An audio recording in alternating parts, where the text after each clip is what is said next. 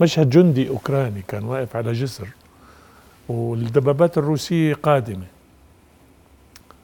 القوات الهندسة لم يستطيعوا يجهزوا قضية تفجير الجسر. هو معه خبرهم قال لهم استعدوا.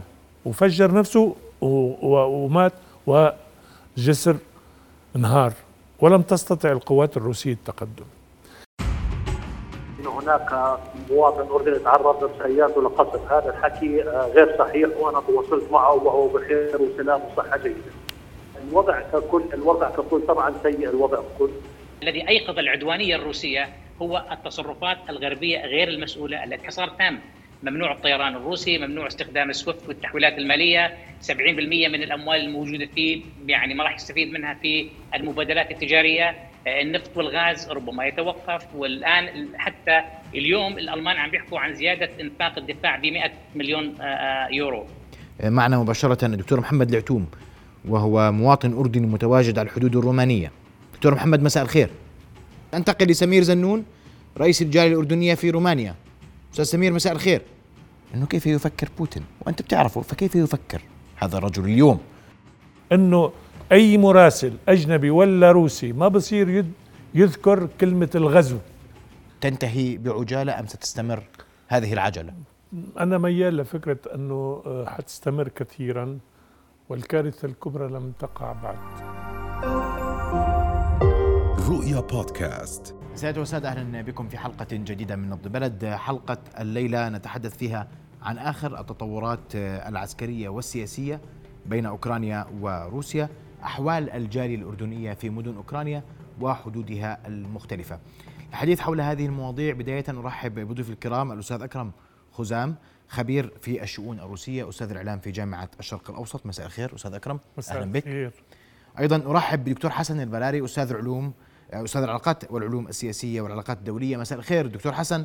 أهلا بك في نبض بلد أهلا بك. آه، أيضا سينضم إلينا آه، أثناء الحلقة وخلال الحلقة عدد من أبناء الجالية الأردنية آه، في أوكرانيا وعلى حدودها للاطلاع على أوضاعهم. وأبدأ منك أستاذ أكرم. وسؤالي من خبرتك الطويله روسيا تتقدم أوكرانيا تدافع. إلى أين تتجه الأمور من وجهة نظرك اليوم؟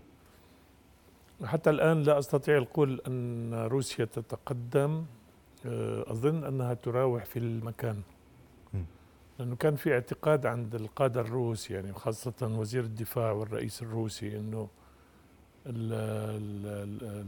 السكان في كييف على سبيل المثال بدهم يرشقوا قوات الجيش الروسي بالورود والرز. وأنه آه، زيلينسكي سوف آه، يهرب من أوكرانيا. هذا الأمر حتى اللحظة لم يتحقق. يعني حتى الخبراء الأمريكان يعني في وكالة الاستخبارات الأمريكية يعني قريت تقرير كان عندهم تقدير إنه أقصى حد ممكن تصمد كييف 36 ساعة ويجبر زيلينسكي للهروب يعني. لكن هذا الأمر آه لم يتحقق أيضا. استوقفني مشهد من خلال متابعتي لهذا الحدث. مشهد جندي أوكراني كان واقف على جسر والدبابات الروسية قادمة. القوات الهندسة لم يستطيعوا يجهزوا قضية تفجير الجسر. هو معه خبرهم قال لهم استعدوا. وفجر نفسه ومات وجسر انهار. ولم تستطع القوات الروسية التقدم.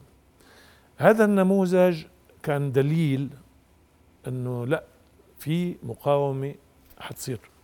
نعم. افترض جدلا أنه غدا ستسقط كيف جدلا. هل تستطيع روسيا بهذه القوات التي هاجمت فيها كيف أو غيرها من المدن أن تسيطر على الوضع داخل العاصمة الأوكرانية وتمنع آه، آه، المقاومة من قبل السكان المحليين أو من قبل عناصر الجيش. بوتين راهن على انقسام داخل القيادة العسكرية في أوكرانيا. أيضا لم ينجح. يعني وجه رسالة إلى لقادة الجيش. تحركوا وأقلبوا نظام الحكم واستلموا الحكم في أوكرانيا. هذا الأمر أيضا لم يتحقق. طيب جميل. قبل ما أنتقل للدكتور حسن أرحب بدكتور كامل العواملي رئيس الجالية الأردنية في أوكرانيا. دكتور كامل مساء الخير. مساء الخير مساء الخير. دكتور كامل تطلعنا على وضع الجالية الأردنية. قبل قليل الخارجية قالت 1400 أردني يرغب بمغادرة أوكرانيا. من وصل منهم 18 شخص تقريبا. أوضاع الجالية وطمنا يعني على على على حالكم اليوم. حالنا اليوم أول شيء بدي أبدأ بخبر كانت نقلته وسائل الإعلام الأردنية إنه هناك مواطن أردني تعرض بسيارته لقصف، هذا الحكي آه، غير صحيح وأنا تواصلت معه وهو بخير وسلام وصحة جيدة. نعم. أما آه، الوضع ككل الوضع ككل طبعا سيء الوضع ككل. آه، الجميع بيحاولوا يخرجوا. ولكن في مناطق النزاع يعني بالشباكات الوضع جدا صعب إنك تخرج من المناطق هاي مثل خاركوف مثل سومي مثل كييف لأنه حظر التجوال فيها موجود والقصف فيها موجود والشبكات فيها موجودة ف يعني صعب الخروج منها. يعني الأوضاع صعبة هل هل وضعكم هل أنتم يعني قادرون على التواصل مع بعضكم البعض هل الأمور مستقرة من جانب وأنت أكدت إنه لا إصابات في الجالية الأردنية لكن اليوم الحديث عن 1400 طبعا كجالية اردنيه طبعا إحنا كجالية اردنيه آه، عملنا إحنا على ال social media group اسمه طوارئ. و كان موجود اسم كل واحد شخص واحد من كل مدينة بحيث إنه يوافينا بالمعلومات أول بأول عن أحوال المواطنين الأردنيين. وعندنا تواصل مع الجميع والحمد لله لغاية الآن جميع الأردنيين بخير وسلامة. طبعا ما شك إنه قلت لك إنه بحاول الجميع إنه يخرجوا ولكن مش الكل حاليا بيقدر يستطيع الخروج. المناطق اللي آمن ممكن انهم يتوجهوا للغرب أما المناطق الثانية صعب الوصول.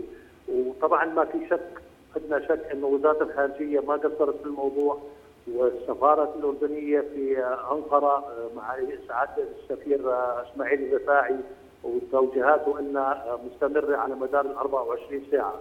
وبقدموا طبعا خدمات للمواطنين الأردنيين اللي يستطيعوا عبور الحدود الأوكرانية يستطيعوا عبور الحدود الأوكرانية لأنه داخل أوكرانيا هم ما بيقدروا يساعدونا لأنه حتى إحنا ما بنقدر نساعد حالنا حاليا. طيب آه، التواصل مستمر بينكم بين الخارجية دكتور كامل. آه الخارجية طبعا إحنا متواصلين من الخارجية من خلال سفارتنا في انقره. لكن خطوط التواصل متاحة. خطوط التواصل متاحة لغايه الآن مع السفارة الأردنية في انقره أيضا. نعم. أشكرك دكتور كامل عوامل رئيس الجالية الأردنية آه، في أوكرانيا. كنت معنا عبر الهاتف. آه، أنتقل للدكتور آه، حسن البراري. دكتور حسن أسمع وجهة نظرك بالتطورات الحالية والموقف الأمريكي والأوروبي مما يحدث في أوكرانيا. يعني أنا اولا مساء الخير لك ولصديقي أكرم أيضا. زمان ما شفته أكثر من 12 سنة تقريبا ففرصة أني أستمع إليه. يعني أنا خليني أبدأ ربما سأذهب إلى إلى العمق يعني جوهر الأزمة. أنا لن أتوقف عند الانتكاسة الميدانية التي يمكن أن تحدث مع الروس هنا أو مع غيرهم. هذه حرب والحرب فيها دائما في انتكاسات في تقدم لكن بالمجمل بالمجمل فائض القوة اللي عند روسيا يؤهلها إلى حسم المعركة. يعني دائما عندهم ربما ما قاموا فيه لغاية الآن هو تطويق من أجل المفاوضات لإملاء الشروط لكن هذا لم يجري. أنا بتقديري هاي انتكاسة وأنا أتفق مع أخي أكرم. لكن بجوهر الأزمة أو أعمق من ذلك بكثير يعني بعد تفكك الاتحاد السوفيتي آه، آه، بوتين كان يراقب ذلك يعني كان شابا صغيرا لكنه كان يعتبر أن هذه أكبر مأساة حدثت لروسيا. هو تفكك الاتحاد السوفيتي بهذه الطريقة المذلة المذلة لغورباتشيف في ذلك الوقت وحتى عندما جاء بوريس يلتسن أيضا آه، كان ذليلا أمام الغرب فكان يراقب كل هذا الوضع. وكان أيضا في جزء من التفكير عنده وكأنه ينتمي إلى إلى القرن التاسع عشر كأنه ينتمي إلى بداية القرن العشرين. بوتين يلعب لعبة توازن القوى فبالتالي عندما آه، آه، جاء الغرب بفكرة بثلاث أفكار هي التي آه، ضربت العقيدة الروسية والقومية الروسية أنشأت وهي إنه يجب على الناتو أن يتوسع شرقا في حين أن التعهد الغربي كان أن لا يتوسع الناتو نهائيا في البلدان التي كانت تنضوي تحت حلف وارسو الذي كانت تسيطر عليه روسيا. ثانيا أن هذه الدول انضمت إلى الاتحاد الأوروبي وثالثا جاء الغرب بهذه الفكرة وهي اسم حركي اسمه التوراة الملونة البرتقالية مثلا التي أدت إلى آه، تغيير الأنظمة الصديقة لروسيا واستبدالها بأنظمة موالية وتابعة إلى الغرب، فبالتالي بالنسبة لبوتين أن موضوع الديمقراطية يعني بمعنى إياك أن تتجرأ وتتحدث معي عن موضوع الديمقراطية لأنه يعني بالتفكير الروسي الآن هو عبارة عن انقلابات تجري في هذه الدول لصالح المعسكر الغربي، طبعا أنا هنا يعني لا أستهين برغبات الشعب في التحرر، أنا يعني يعني أنا مش عم بحكي إنه والله ما لازم يتحرروا. هم حرين هذا هم كل شعب يقرر مصيره. لكن أنا أحاول وربما نستفيد من أكرم لأنه أقرب إلى العقلية الروسية ان نقرأ كيف يفكر بوتين. بانه هذه المحاولات الأمريكية في نشر الديمقراطية هي هي في جوهرها يعني في في مظهرها براق لكن في جوهرها هي لإيجاد نظام سياسي يتوافق مع مصالح المصالح كما تراها النخب الحاكمه في واشنطن والعواصم الغربية. فبالتالي عندما وصلنا إلى إلى عام 2014 وكان هناك ورفض آه، الرئيس الأوكراني أن يكون جزء من الاتحاد الأوروبي أو الصفقة التي قدمت له من الاتحاد الأوروبي. انتفض عليه الشارع الأوكراني وهرب إلى إلى موسكو. من هنا بدأت روسيا بأنه على الأقل أمنت شبه جزيرة القرم على اعتبار أنه إذا انضمت في يوم من الأيام إلى إلى إلى الناتو أو إلى الاتحاد الأوروبي فمش معقول انه يكون شبه جزيرة القرم فيها قواعد أمريكية. وأنت تعرف ما هي الأهمية الاستراتيجية كميناء مهم جدا مطل على البحر الأسود الذي يوصل القوات الروسية إلى المياه الدافئه وهذا مطلب من أيام كاترين العظيمة إلى إلى إلى لينين إلى ستالين. هذه العقلية الروسية. أنا بتقديري أن الذي دفع روسيا على هذه الأزمة أو الذي بمعنى الذي أيقظ العدوانية الروسية هو التصرفات الغربية غير المسؤولة التي استفزت روسيا فيما يمكن أن نصفه بانه محاولة غربية لتطويق روسيا. هذا التطويق رد عليه بوتين بهذه العدوانية. ونحن نعرف أن بوتين ربما ليس من صالحه أن يبدأ هذه المعركة مع هذه القوة الغربية التي فرضت عليه اليوم حصار تام ممنوع الطيران الروسي ممنوع استخدام السويفت والتحويلات المالية. 70% من الأموال الموجودة فيه يعني ما راح يستفيد منها في المبادلات التجارية. النفط والغاز ربما يتوقف والآن حتى اليوم الألمان عم بيحكوا عن زيادة إنفاق الدفاع ب 100 مليون يورو. أي 2% من إجمالي الناتج المحلي راح يرتفعوا لهذا المستوى. فبالتالي الحركة حركة بوتين أو العدوانية الروسية في أوكرانيا والاستقواء عليها من أجل ابتزاز الغرب أو إجبار الغرب للجلوس على طاولة المفاوضات والامتثال للمطالب الروسية أنا بتقديري بأنها لم تحقق الأهداف، كل ما جرى هو عكس ما أراد بوتين، يل... زيلينسكي لم يستسلم لم يهرب، الغرب زاد من المساعدات الاقتصادية لأوكرانيا والمساعدات العسكرية واليوم الحديث عن أسلحة فتاكة، الطائرات الإسبانية اليوم تحط في في لمساعدة كييف، الغرب كله الآن يقف بطريقة لم يعني غير معهودة من حيث التماسك يعني أنت تعرف بعد ما انتهت الحرب الباردة حلف الناتو لم يعد متماسكا كما كان. الآن حلف الناتو أصبح متماسكا وعادت الولايات المتحدة مرة ثانية إلى اللعبة الأطلسية في حين كانت تحضر نفسها للتوجه إلى الشرق. فبالتالي أنا أنا لن أقرأ ما يجري الآن من انتكاسات ميدانية لهذا الطرف أو ذاك ولا أستطيع أن أفصلها عن اللعبة الأكبر والأوسع وهي الصراع ما بين نظرتين جيوبوليتيه الأولى يمثلها بوتين الذي يريد أن ينفك من هذه العزلة ويريد أن يعود على الأقل كلاعب. هو لا يقول بأنه لاعب هو طبعا هو عندما يقول بأنه اعيد أريد أعيد تشكيل النظام الدولي عشان أكون قطب فيه لا هو مش قطب فيه لأنه الاقتصاد الروسي 1.6 بليون تريليون عفوا هي رقم 11 كوريا أمامه 1.8 والولايات المتحدة 23 تريليون وأوروبا زائد الولايات المتحدة. يعني أوروبا دول أوروبا الاتحاد الأوروبي. زائد الولايات المتحدة 44 تريليون من إجمالي الناتج المحلي العالمي كله اللي 84 تريليون. يعني الموازين القوى مختلة بشكل كبير لصالح الغرب لكنه هو الآن عنده المسألة هو يقاتل من أجل ليس الكرامة الروسية من أجل مصالح حيوية روسية. اللي هو يريد هو لن. يسمح بأن يتم تطويق روسيا بهذه الطريقة حتى لو كلفوا هذا حرب فبالتالي فكرة توازن من عنده إرادة أن يقاتل أكثر؟ أنا بتقديري أن بوتين عنده إرادة أكثر وتوازن إرادات يميل لصالحه مع إنه موازين القوى المادية بمعنى سواء عسكرية أو اقتصادية أو حتى ثقافية أو تأييد على مستوى العالم لا تميل لصالح بوتين. طيب سأعود لك دكتور حسن آه، وقبل ذلك وقبل ما آه، أرجع لك أستاذ أكرم اسمح لي آه، معنا مباشرة الدكتور محمد العتوم وهو مواطن أردني متواجد على الحدود الرومانية. دكتور محمد مساء الخير. أهلا مساء الخير أول شيء طمنا عليك وطمنا على آه، من معك من الأردنيين على حدود آه، رومانيا. الحمد لله بألف خير. إحنا لحد الآن ما وصلنا للحدود الرومانية.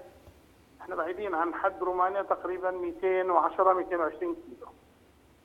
متى بتتوقع توصلوا دكتور محمد؟ والله بإذن الله إحنا عندنا أطفال لذلك آه، وقفنا في مدينة اسمها سملنيت تبعد عن حدود بولندا تقريبا 220 كيلو. بإذن الله تعالى بكرة الصبح طالعين بكير. بتوقع أن نوصل الحدود على يعني بحدود الظهر بإذن الله تعالى. سجلتوا على المنصة للمغادرة دكتور محمد مش هيك؟ مسجلين وشباب من السفارة الأردنية في بوخارست على تواصل معنا آه، منهم الدكتور ظاهر الغزاوي على استمرار على تواصل آه، بالرسائل وبالاتصال. وبانتظار الوصول حتى إنه يسهلوا لنا الإجراءات اللازمة هناك. كم شخص دكتور محمد آه، أنتوا لو سمحت؟ والله يعني تقريبا عائلات تقريبا بحدود 10 عائلات. عشر عائلات الأطفال- نقدر نحكي مع الأطفال بحدود ممكن 30 شخص. كلكم تحركوا الآن باتجاه الحدود ومتواصلين مع الخارجية وستغادروا المملكة مش هيك؟ بدنا نغادر أوكرانيا أكيد آه، يعني على تواصل مع آه، السفاره تحديدا مع السفارة الأردنية في بوخارست تحديدا مع الدكتور آه، ظاهر الغزاوي. نعم. أشكرك كل الشكر آه، دكتور محمد. نأمل لكم الوصول بسلامة. من معكم سالمون ومن تعرفهم سالمين دكتور محمد مش هيك؟ يا هلا فيك. ألف ألف شكر لكم ألف شكر. طيب أشكر دكتور محمد. أنتقل لسمير زنون رئيس الجالية الأردنية في رومانيا. أستاذ سمير مساء الخير. يسعد مساك وحياك الله أستاذنا ال- الكبير محمد. الله يخليك. أستاذ سمير استعداداتكم أنتم اليوم عم تتواصلوا وعم بتنسقوا مع الجاليه الأردنية في أوكرانيا وتستقبلوهم في رومانيا. شو الوضع عندك أستاذ سمير الآن؟ اولا تحياتي لك أستاذنا الحبيب ولضيوفك ال- الكرام الأستاذ أكرم قزام والأستاذ حسن البراري ومن خلالك لرئيس الجاليه كامل ال- العواملة. ونهنيك على برنامجك نبض البلد وإن شاء الله دائما بتكونوا نبضنا الدافئ ونبض أبنائنا تسلم يا أستاذ سمير. وب- آه، إحنا بوجود آه، آه، هذه النعمة من رب العالمين بوجود سعادة السفير سفيان الإقضاء وخبرته كمدير في العمليات في وزارة الخارجية وجوده عندنا منذ البداية بعث بالقنصل الأردني يزن ال- القيسي ومساعد القنصل الدكتور آه، ظاهر الغزاوي على المعابر الحدودية بيننا وبين أوكرانيا. ويتم التنسيق من آه، حيث وصولهم إلى الحدود تعلمهم السلطات الرومانية بوجود الأردنيين. وهم يعلمون من خلال سعادة سفيرنا المتابع لهذه الأمور من خلال خلية الأزم المشكلة بإدارته وإشرافه ومتابعته ويتم استقبالهم في بوخارست عن طريق أبناء الجالية الأردنية للفندق ومن حي منهن ومن الفندق تسفيرهم للمطار. هذه كم شخص سمير حتى أستاذ سمير كم شخص حتى اللحظة بتوقعوا تستقبلوا؟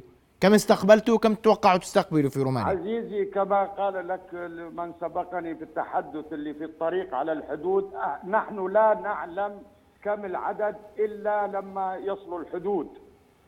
فوصلنا لحد الآن وصلنا لحد الآن 21 شخص. واليوم تم تسفير ثمان أشخاص وامبارح شخص سافر من بوخارست للعقبة. واليوم ثمانية لمطار عمان. أول رحلة كانت من رومانيا من ال ال المهاجرين ولا الهاربين من أوكرانيا. وصلوا عن طريق رومانيا وهيهم عند أهاليهم في الأردن. نعم. واضح أستاذ سمير يعطيكم العافية. شكرا جزيلا لك وشكرا لجهودكم في الجالية الأردنية في رومانيا ولجهود الطاقم الطاقم وزارة الخارجية الذي يعمل لتأمين الأردنيين المقيمين في أوكرانيا ممن يرغبون بمغادرتها. وسنسأل كيف يفكر بوتين وكيف يفكر الغرب؟ أو تساءل دكتور حسن إنه كيف يفكر بوتين؟ وأنت بتعرفه فكيف يفكر هذا الرجل اليوم؟ يدخل هذه المعركة يعني كل هذه العقوبات تنهال عليه مع التهديد والوعيد إنه في عقوبات ستطاله ورغم ذلك يقدم على الخطوة. يعني ما بدي أدخل مع مع مع سجال قوي مع الصديق آه، حسن البراري لكن بدي أرجع لملاحظة بسيطة ذكرها إنه معركة الانتخابات اللي أدت إلى سقوط يانكوفيتش المدعوم من قبل الروس ومدعوم بقوة في عام انتخابات 2004 آه، الأمريكي لم يدفع فلوس مشان يشتري ضمير الناخب الأوكراني. روسيا صرفت أموال طائلة مشان تنصيب يانكوفيتش الموالي إلها بالمطلق. هذا الشخص كان محكوم عليه بالسجن ثلاث مرات ومسجون مرتين بسبب عمليات فساد ونصب. تخيل. أنا كنت لما غطيت هاي الانتخابات كان يقولوا لي المواطن كانوا شايفين مقابلتي مع الرئيس بوتين. يقولوا لي رجاء تبلغوا توصلوا إنه نحن ما بدنا نخاف منه نحن بدنا نحترمه. هو عم يعمل كل شيء مشان نخاف منه. الأمر الثاني قضية آه، التركيز بوتين على الاتحاد السوفيتي. بوتين له أكثر من تصريح منذ أن وصل إلى الحكم أنه لا يمكن إعادة التاريخ إلى الوراء. فهي مش هذا الهدف الرئيسي. كيف يفكر بوتين؟ بوتين يفكر حاليا في نصر سريع وحاسم أمام الرأي العام الداخلي عشان عنده آه، نية يترشح للانتخابات الرئاسية عام 2024 لمدة 12 سنة. يعني يريد أن يبقى في الحكم حتى عام 2036 هذا الهدف الرئيسي عنده. آه، المستغرب المستغرب إنه بيقولوا لك نحن كنا حاسبين شو ممكن نتعرض لعقوبات. بس انت طالما بتعرف شو العقوبات اللي بدها تجي بتعرف انه الاقتصاد ممكن يتضعضع كثير داخل روسيا. الروبل منذ اليوم الأول كان ب 75 مقابل الدولار. فجأة زاد نزل 11 روبل. صار ب 2086 اليوم عم يخبروني الأصدقاء صار ب 100 ممكن بكرة 110 ممكن يوصل ل 200 أنت كل مجال الجوي تبع أوروبا أغلق على طائراتك. ما عاد في عندك منفذ. وينك تروح على إيران وينك تروح على بعض الدول العربية يعني المستثمر بده يروح على الغرب مشان مشاريعه الاستثمارية. عمليا إذا ما كنت حاسب هاي القضية وأنت قمت بفعل خطير جدا إنك اقتحمت تحاول احتلال عاصمة في وسط أوروبا. هون هذا الخطر الكبير. لذلك اليوم مظاهرات اللي طلعت بلندن المظاهرات اللي طلعت بباريس مظاهرات ضخمة جدا. إنه وين نحن بعام 2022 رجعنا 50 آه، سنة لورا. بدنا نلوح بالعصا الغليظة ونحن بدنا نحكمكم ما حيرضوا. يعني حتى هلا الشعب الروسي اليوم بموسكو كان في مظاهرات كثيره جرى التعتيم عليها نهائيا منع التصوير. وسجن الكثير من المتظاهرين. صارت مظاهرة كبيرة بسان بطرسبورغ. في تعليمات يا سيدي الكريم أنت كإعلامي آه، ضروري تعرفها بجوز تعرفها بجوز ما بتعرفها راح أقول لك إياها. إنه أي مراسل أجنبي ولا روسي ما بصير يذكر كلمة الغزو. الروسي. آه، هذا التعميم أصدرته وزارة الدفاع. آه. فقط وزارة الدفاع تتحدث عن الخسائر. لا يجوز لأحد أن يقول إنه عدد الخسائر الجيش الروسي 500 أو 400 أو 300 أو 2000 لا يجوز. بيتهموك فورا بالجاسوسية. طب كيف اذا أنت واثق من نفسك واثق من خطتك ليش عم تصدر هاي الأحكام اللي يمكن أن تقال إنه إنه إنه ديكتاتورية يعني؟ أنت كيف تتعامل مع الصحفي الصحفي يعني بتخونه تقول عنه جاسوس عم يتعامل مع مع ما عندك أجهزة طويلة عريضة أجهزة أمنية تستطيع رصد من هو الجاسوس ومن هو غير الجاسوس وبالتالي هذه المغامرة الكبرى حتى في بعض المحللين الروس قالوا إنه وراءها بالدرجة الأساسية هي قضية جنون العظمة. يعني لم يعد يحتمل هذا الأخ الأكبر بالمنطق السوفيتي. يعني الاتحاد السوفيتي لما انهار أعلن أعلن حل الاتحاد السوفيتي. كان في هناك 18 مليون عضو بالحزب الشيوعي السوفيتي وكان في 35 مليون أعضاء باتحاد الشباب اللينيني كانوا يسموه كومسومول. طب ما رأيك تاني نهار ما في ولا فرد من أعضاء الحزب الشيوعي طلع احتجاجا على هذا القرار. وبدك هلأ تعيد الاتحاد السوفيتي أنت.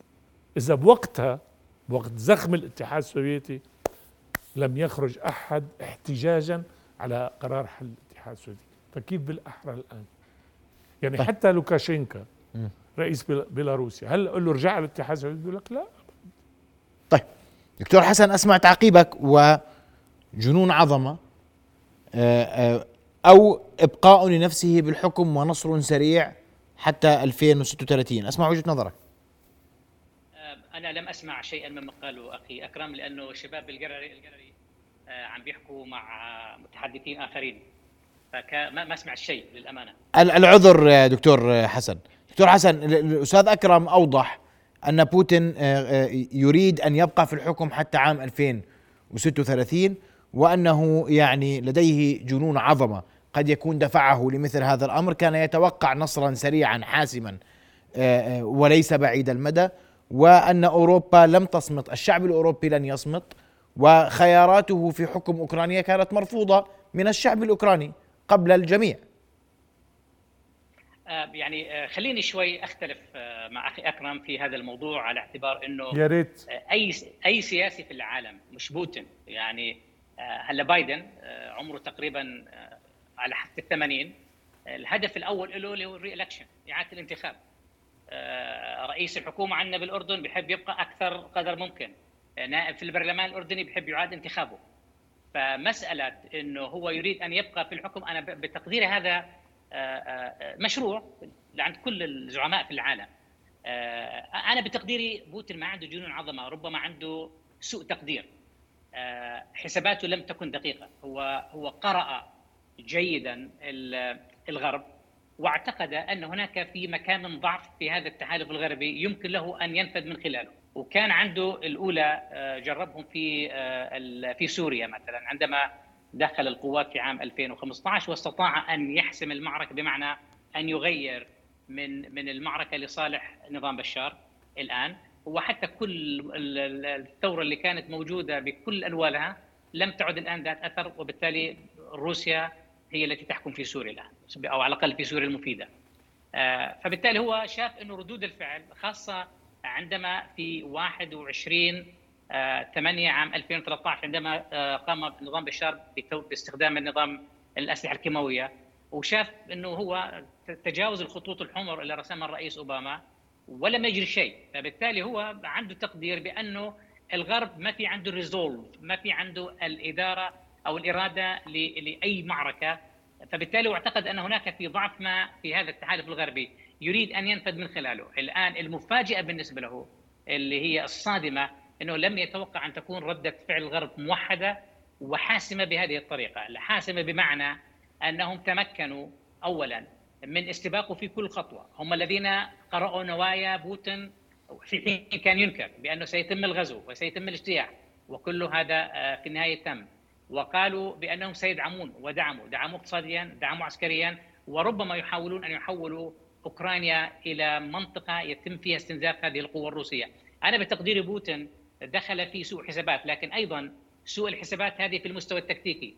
هلأ في المستوى الاستراتيجي من خلال قراءتي وفهمي للقاده الروس الآن الحاليين آه، هم لن يسمحوا بتطويق روسيا من كل الجهات. لن يسمحوا لأوكرانيا تحت أي ظرف من الظروف أن تتحول قاعدة للناتو. هلا هذا لا يعني إنه الناتو كان بالفعل يسعى إلى ضم أوكرانيا، أنا لست متاكدا من ذلك لأنه بكل اللقاءات كان كان الناتو يرفض انضمام أوكرانيا على الأقل الآن. آه، فبالتالي آه، ربما أراد أيضا ان أن يوظف كل ما جرى بمعنى أن يوظف المطالب الأمنية المشروعة الاستراتيجية بالنسبة لروسيا في سياق لعبة البقاء السياسي. هذا أنا أتفق معك أخي أكرم. لكن القول بأنه عنده جنون عظمه أنا أنا بتقديري بحاجه إلى مراجعة. الناس اللي عندهم البارانويا آه، جنون العظمة يعني ناس من من وزن هتلر مثلا آه، هو أهدافه بسيطة بالمناسبة ربما نحن نقف أكثر مما ينبغي فيما يريده. هو يعني نقول بأنه يريد أن يعيد أمجاد الاتحاد السوفيتي هو لا يفكر في ذلك. هو يريد فقط حماية العمق الروسي لأنه في بالتاريخ تم غزو روسيا ثلاث مرات من الغرب. وهناك فهم عند القاده الروس بأنه الأمن الروسي يتحقق من خلال التوسع. فبالتالي إيجاد مناطق عازلة، الصين مختلفة، الصين تاريخيا الأمن يتحقق من خلال الحواجز فأنشأوا آه، سور الصين العظيم. هناك أفكار جيوبوليتية مختلفة.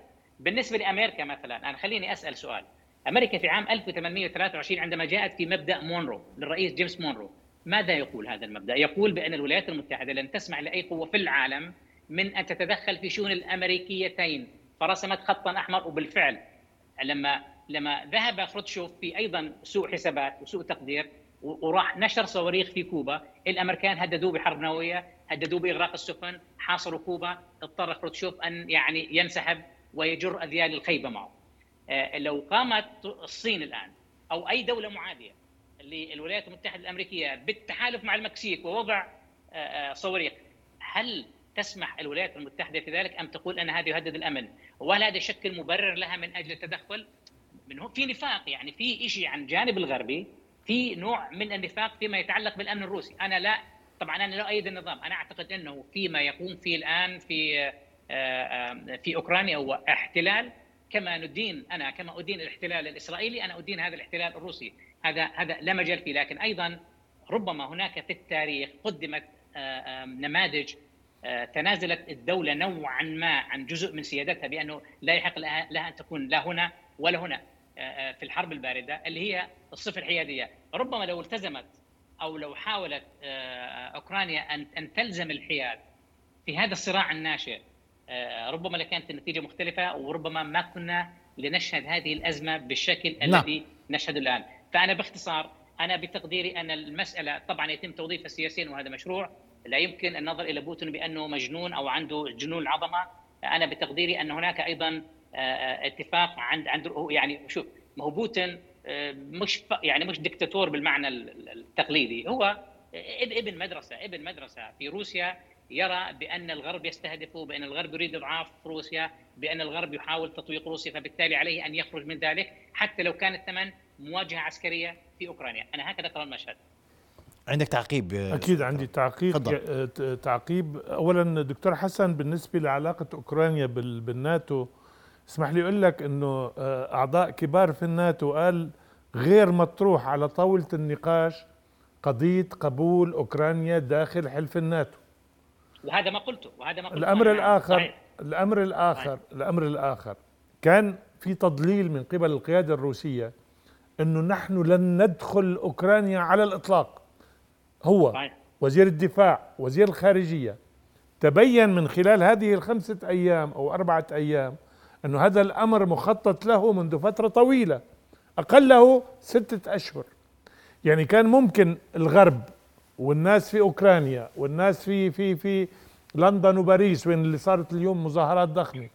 إن يفهموا التحرك الروسي فيما لو اقتحم دانيتسك ولوغانسك بحجة إنه هذه هاتين الجمهوريتين آه، اللتين اعترف بهما طلبوا الدخول الروسي لحمايته من الجيش الأوكراني. مفهوم. لكن هو فورا راح على خاركوف راح على آه، أوكرانيا. عفوا على كيف؟ بالتالي كان الهدف الرئيسي دفع آه، زيلينسكي رئيس أوكرانيا إلى تقديم استقالته أو الفرار خارج آه، رومانيا وتنصيب حكومة موالية بالمطلق لروسيا. هذه حادثة يجب التوقف عندها يعني تدخل فظ بالشؤون الداخلية لبلد يقال عنه وهو فعلا كذلك بلد ذو سيادة. فأنت ما الذي يضيرك من هذا البلد خاصة وأنه ليس في نية الاتحاد الأوروبي قبول آه، آه، آه، أوكرانيا عضوا في الاتحاد الأوروبي لأنه هم مش مجانين يدخلوا 44 مليون على عضوية الاتحاد الأوروبي ومش مش مجانين يفوتوا أوكرانيا في بلد غير مستقر سياسيا ومشاكل كثيرة اقتصادية وغير اقتصادية يدخلوها عضو في الناتو. من هون من هون وأنا الكلام ما قلته عن بوتين إنه عنده جنون العظمة. محللين روس خبراء روس أعلنوا علنا أنه هذا أصيب يعني صار له بالحكم من عام 2000 يعني 22 سنة ولسه رايد يصير 14 سنة. يعني أنت أي زعيم بالعالم حكم منذ 2000 إلى عام 2036 وبالتالي صفت السلطة جزء من حياته اليومية لا يستطيع أن يتخلى عنها ولا يرغب أن يتخلى عنها. وإلا لكان تصرف بشكل آخر مع الأوكران. تسمح لي أخي أكرم وأنا أنا معك بالمطلق لكل ما ذهبت إليه. أنا لا أختلف معك لكن أنا أحاول أن أضع هذه الأزمة في سياق اعرض من الصراع الأوكراني الروسي. أنا معك إنه لا يحق له أن يدخل أوكرانيا. لكن أيضا هناك في مصالح حيوية.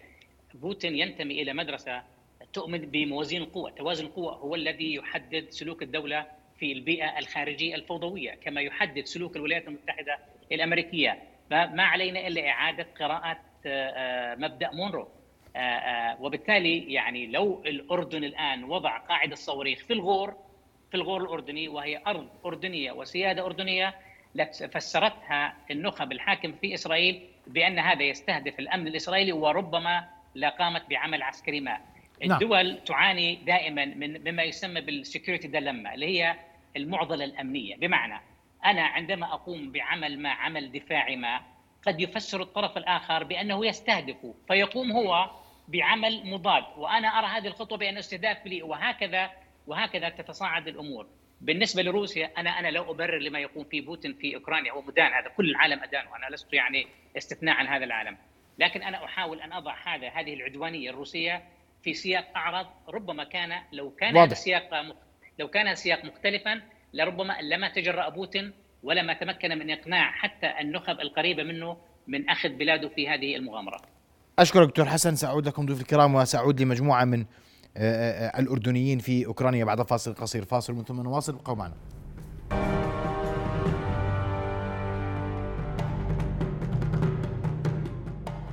أعود سريعا إلى هذه الحلقة وإلى ضيوفنا من أوكرانيا. دكتور أحمد خرباش المقيم في كييف. دكتور مساء الخير.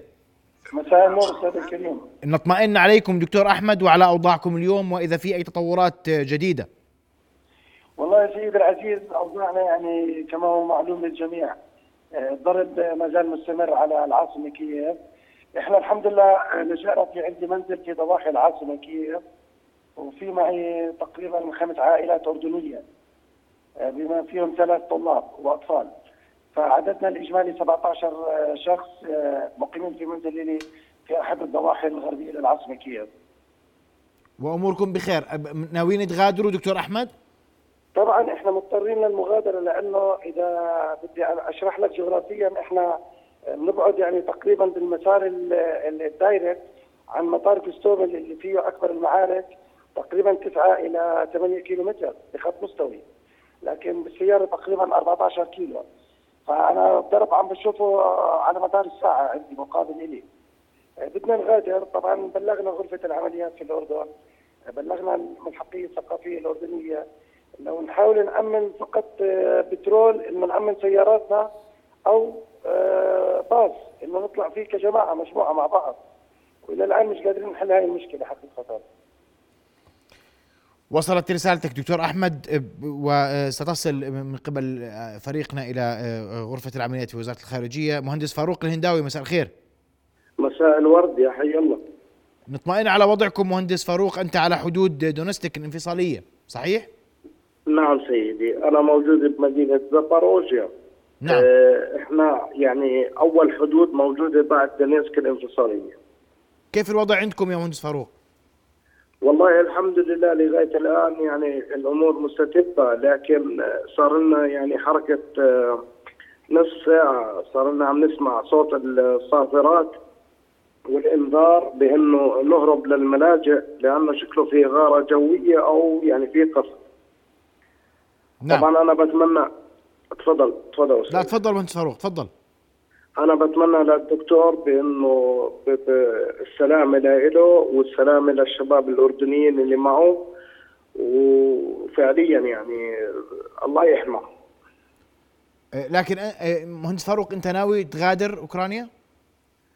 أخي الكريم أنا يعني قبيل ما إني أصل لمرحلة إني أضمن إنه الطريق راح تكون بسلام إن شاء الله راح أزود السيارة بالوقود وراح أتحرك. لكن إنه بس أعرف إنه الطريق مؤمنة. نعم. يعني نصل لبر الأمان صراحة. لأنه آه، يعني ما بتعرف وأنت بالطريق آه، العسكر اللي راح يواجهوك هم أوكران ولا هم روس.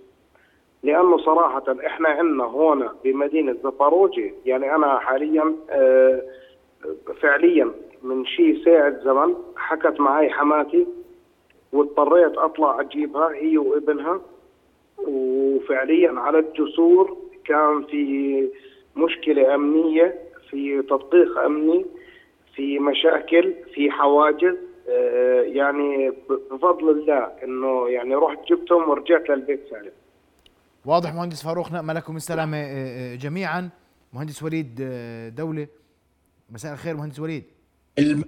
ممكن بس قبل ما الأخ يطلع إذا معنا اولا مهندس وليد بنوصل له رسالة تفضل. تمام تمام. يعطيك الله لا خذ راحتك خلص لا فكرت نحكي مع باشا مهندس وليد مساء الخير. مساء النور. أهلا سيدي الكريم يسعد مساك ومساء ضيوفك جميعا إن شاء الله. طم طمنا على وضعكم مهندس وليد. آه، تمام. في البداية يعني نسأل الله السلامة للجميع أبناء الجالية الأردنية والعربية. أنا موجود في الأردن آه، من الأسبوع الماضي الجمعة الماضية جينا على الطائرة بحكم الأخبار اللي زودتنا فيها يعني على وسائل التواصل الاجتماعي عن طريق الخارجية. فاضطرينا أنه نخلي بحكم طبيعة الشغل.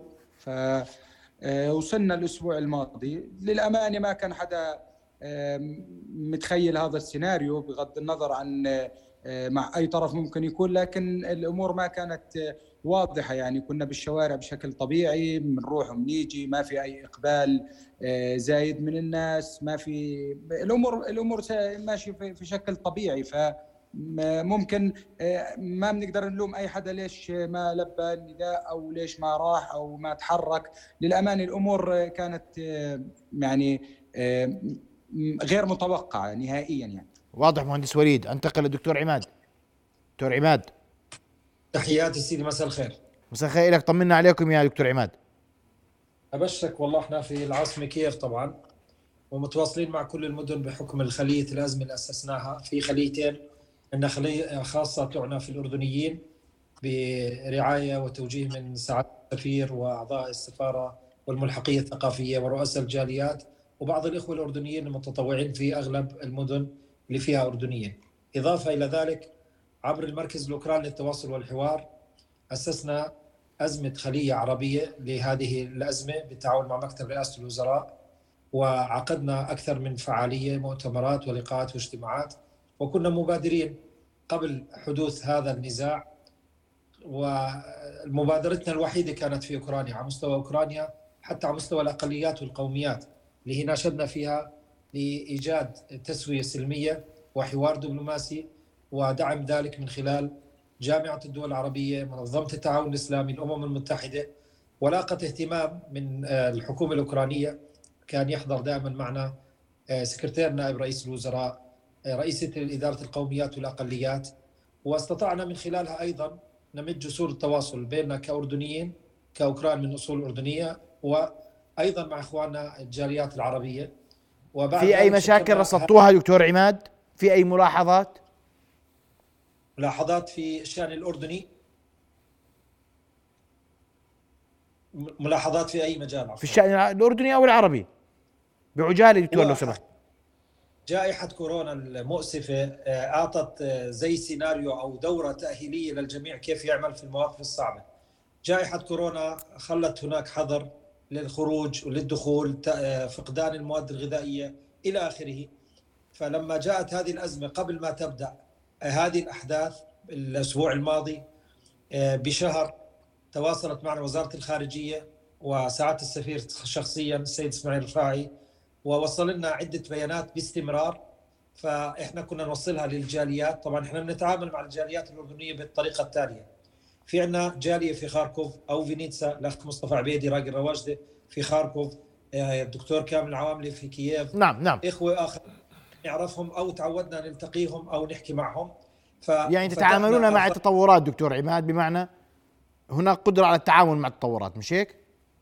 أهم شيء إن بنأخذ المعلومة الرسمية من الدولة من خلال واضح. السفارة ثم بكل يسر بنوزعها على شبابنا سواء مقيمين أو طلاب، الإشكالية اللي بتواجهنا إنه في بعض الطلاب أو المقيمين لظروف خاصة أو يعني طبيعة عمله شخصيته ما بيلتقي مع الجالية الأردنية وربما ما بيعرفها أو ما بيعرفوه فكنا طيب. نكتشف دائما مره أسماء جديدة أو نكتشف آه، إنه لازلنا آه، ما استطعنا نجمع كل الأردنيين عموما بهذه الجائحة جمعنا أكثر من 90% من الأردنيين في كييف ضمن مجموعات على مستوى المدن وتواصلنا مع الجميع ولا زلنا ليلا نهارا نأمل السلامة لكم جميعا دكتور عماد وسنبقى على تواصل معكم لاطمئنان لحالكم بنص دقيقة آه، أستاذ أكرم.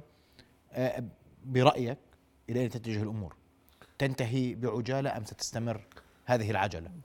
أنا ميال لفكرة أنه آه، حتستمر كثيرا والكارثة الكبرى لم تقع بعد. لم تقع بعد. دكتور حسن. آه، لا لا لن تنتهي ال- الأزمة. حتى لو حسمت عسكريا. هي اتفقنا.